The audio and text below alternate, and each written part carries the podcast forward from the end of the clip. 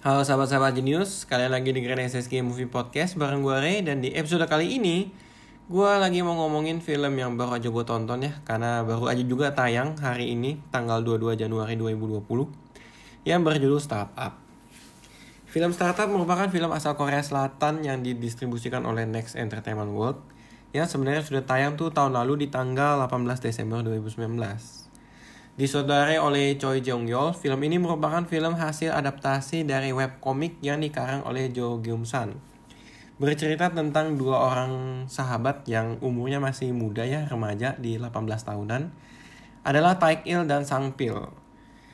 Taek Il dan Sang Pil ini saat ini sedang bertumbuh di Korea Selatan ya. Di mana Taek Il itu memutuskan untuk kabur dari rumah dan saat dia kabur dari rumah, dia bertemu dengan sesosok chef restoran Chinese food misterius bernama Gyo Seok. Dan akhirnya dia memutuskan untuk mulai bekerja untuknya. Sedangkan Sang Pil direkrut oleh saudaranya untuk bekerja sebagai penagih hutang atau ya lintah darat gitulah ya, tanpa sepengetahuannya. Dari mereka berdua nih, mereka akhirnya menjalani hidup dan bekerja ya Akhirnya mereka belajar bahwa dari masing-masing pekerjaannya ada susah dan sedih serta senangnya. Selain dari pekerjaannya, mereka bertemu dengan orang-orang baru yang membuat mereka tuh memiliki perspektif yang berbeda gitu. Anyway, film ini tadi kan gue udah sebut ya diadaptasi dari webtoon berjudul Sidong oleh Jo Gyum San gitu. Karena ini merupakan film adaptasi webtoon yang memiliki berbagai karakter ya. Jadi di filmnya ini nih, gue merasa sifat filmnya tuh seperti uh, cerita yang karakter driven gitu. Di mana di film tuh mendatangkan banyak sekali tokoh di awal filmnya. Kemudian tuh baru diceritakan perlahan-lahan gitu masa lalunya si tokoh ini seperti apa gitu dari dialognya ataupun ya ada sedikit lah beberapa adegan flashback yang mendukung tingkah laku dia di dalam film di tengah menuju akhir. Jadi ada saat senang seperti apa, saat susah seperti gimana mereka, apa yang membuat mereka tuh akhirnya jadi uh, ya sifatnya seperti di dalam film gitu, wajahnya murung, yang satu iseng, yang satu berandal dan lain sebagainya ada deh di dalam film ini. Sebenarnya menurut gue cukup potensial sih menjelang tengah film ya pada saat pengenalan dan pendalaman karakternya. Tapi sayangnya teman-teman menurut gue tuh kayak tengah ke akhir detailnya si karakter ini tuh belum cukup tapi sudah tergesa-gesa menuju climax. Gitu. Karena gue juga ngelihat ya teman-temannya pada uh, beberapa adegan yang dirasa bisa memperdalam karakter gitu dari dialog-dialognya. Justru tuh digunakan untuk barangkali mengkritisi dunia gelap yang sedang terjadi di Korea Selatan gitu. Kayak misalkan kalau gue buat catatannya ya di Korea Selatan yang digambarkan di film tadi yang gue tonton itu tuh ada adegan kekerasan tindakan melanggar norma asusila gitu ya. Kurang ajar sama uh, cewek dan lain sebagainya gitu. Terus ada premanisme lintah darat dan lain sebagainya gitu. Ini juga yang gue mau kritisi ya teman-teman ya. Film ini tuh kalau di bioskop bioskop sensornya tuh 13 plus gitu. Tapi di dalam film tuh banyak adegan ya sebat gitu ya. Ngerokok terus ada pukul-pukulan gitu. Ya walaupun ada beberapa tamparan yang terkesan untuk membumbui komedi tapi kayak ya simply ada yang pukul tangan ke wajah tendang perut dan lain sebagainya itu yang menurut gue tuh hah ini nggak salah nih sensornya 13 ke atas. Itu sih yang gue kritisin ya. Terus juga teman-teman yang menurut gue susunan ceritanya tuh agak gak rapi gitu. Yang paling parah nih ya teman-teman ya saking gak rapinya klimaks dari film ini tuh bercabang gitu. Ada yang uh, klimaksnya di karakternya siapa ada yang klimaksnya di karakternya siapa gitu. Sehingga tuh membuat film ini tuh terasa nggak utuh banget gitu.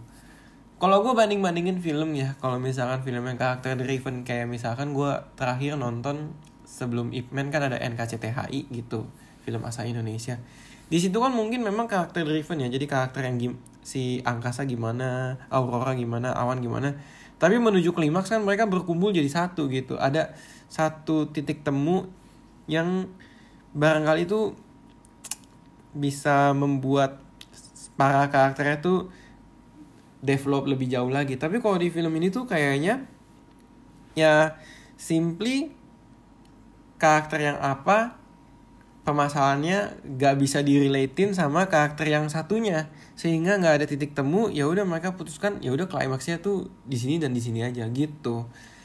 Terus juga teman-teman ya film ini tuh uh, jualan utamanya komedi yang eh, gimana sih bilangnya? Kekonyolan anak-anak remaja umur 18 tahunan yang sok-sokan ingin menjadi dewasa segera menjadi dewasa lah gitu. Dipasangkan dengan orang dewasa yang gak suka banget sama gelagat-gelagat bocah-bocah yang seperti gue gambarkan kan tadi gitu. Jadi ya di situlah dynamic dari film ini. Ketika terjadi satu hal ditegur terus ke kejadian ada satu hal lain ya lama-lama menyetir ceritanya sehingga ke klimaks gitu. Film ini juga gue rasa ya teman-teman karena mendatangkan salah satu aktor asal Korea Selatan yang kalau nggak salah udah jadi aktor Amerika juga sih. Bernama Ma Dong Seok aka Don Lee ya.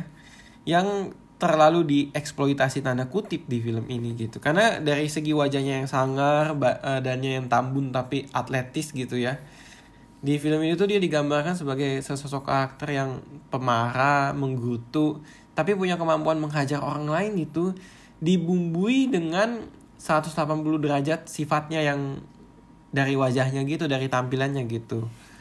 Jadi ya ini bocoran sedikit. Ternyata dia fans beratnya girl band Twice ya, seperti saya gitu. Gue juga suka. Terus kayak ngelihat gelagatnya, wih nari-nari tarian Twice terus tiba-tiba bisa pukul-pukul orang dan lain sebagainya. Itu sih bumbu komedi yang sangat dieksploitasi di dalam film ini gitu ya selain dari si Donly ya ya sebenarnya beberapa karakter cukup enjoyable lah diperhatikan walaupun uh, eh, gue merasa tidak terlalu dibuat jatuh cinta banget sama karakter-karakter yang lain gitu. Karena pengenalannya sebentar ya. Ya pokoknya karakter ini tuh tanda kutip kabur dari rumah. Ya alasannya kenapa gitu? Simply karena berantem sama ibunya doang gitu. Atau ada gak sih motivasi-motivasi yang digambarkan di dalam film yang ternyata enggak gitu ya. Yang membuat tuh penontonnya either setuju atau tidak setuju dengan sifat si karakter dan akan menjudge karakter tersebut ketika filmnya berakhir gitu. Di sini tuh gue nggak menemukan sensasi itu sih. Ngerti nggak maksudnya? Kalau misalkan kayak lagi-lagi gue bandingin lagi sama NKCTHI kita kan misalkan dikasih lihat si karakter yang mana gitu. Di awal dia sifatnya kayak gini menuju akhir akhirnya dia berubah jadi kayak gimana gitu. Kalau di sini ketika Taek Il dan Sang Pil kurang terdevelop dengan rapi sepanjang cerita gitu ya kita tuh malah jadi tetap bertanya-tanya sampai akhir cerita oh udah nih selesai gini aja gitu. Ya walaupun di beberapa adegan-adegan interaksi karakter yang mendatangkan banyak sekali dialog yang terkesan menggurui. Tetap yang gue apresiasi dari film ini adalah adanya ditampilkan ya beberapa adegan hubungan ibu dan anak yang cukup menghangatkan sih. Bagaimana si Paik Il walaupun dia berandal tanda kutip dia tetap menyayangi ibunya dan ya itulah bahasa cinta yang dikomunikasikannya tuh berbeda aja gitu makanya mereka nggak ketemu di tengah film sampai akhir gitu. Kalau ngomongin soal aspek visual dan audionya memang terkesan tuh cukup komikal sih gitu. Jadi kayak ya namanya ini adaptasi dari komik digital ya. Ya jadinya komikal.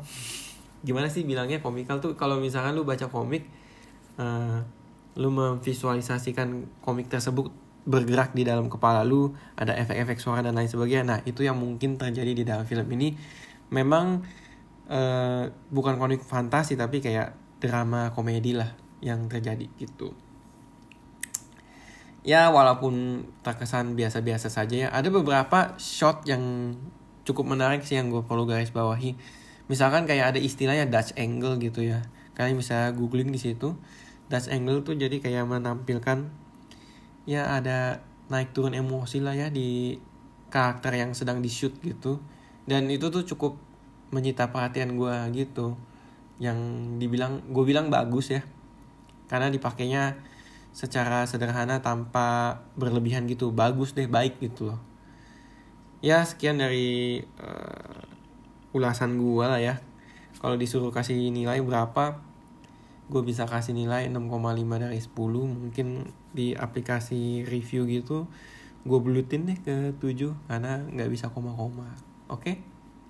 ya jangan khawatir lah ya teman-teman ya film ini tetap menghibur kok punya moral bahwa setiap orang tuh punya masa lalu yang berbeda-beda beragam gitu ya uh, jadi kita sebagai penonton tuh diajak untuk ya mereka ini nih orang-orang yang bekerja keras ya punya masa lalu yang membentuk mereka seperti itu gitu. Jadi pahamilah keinginan dan kemauan serta mimpi orang lain tersebut apa yang ada gitu ya.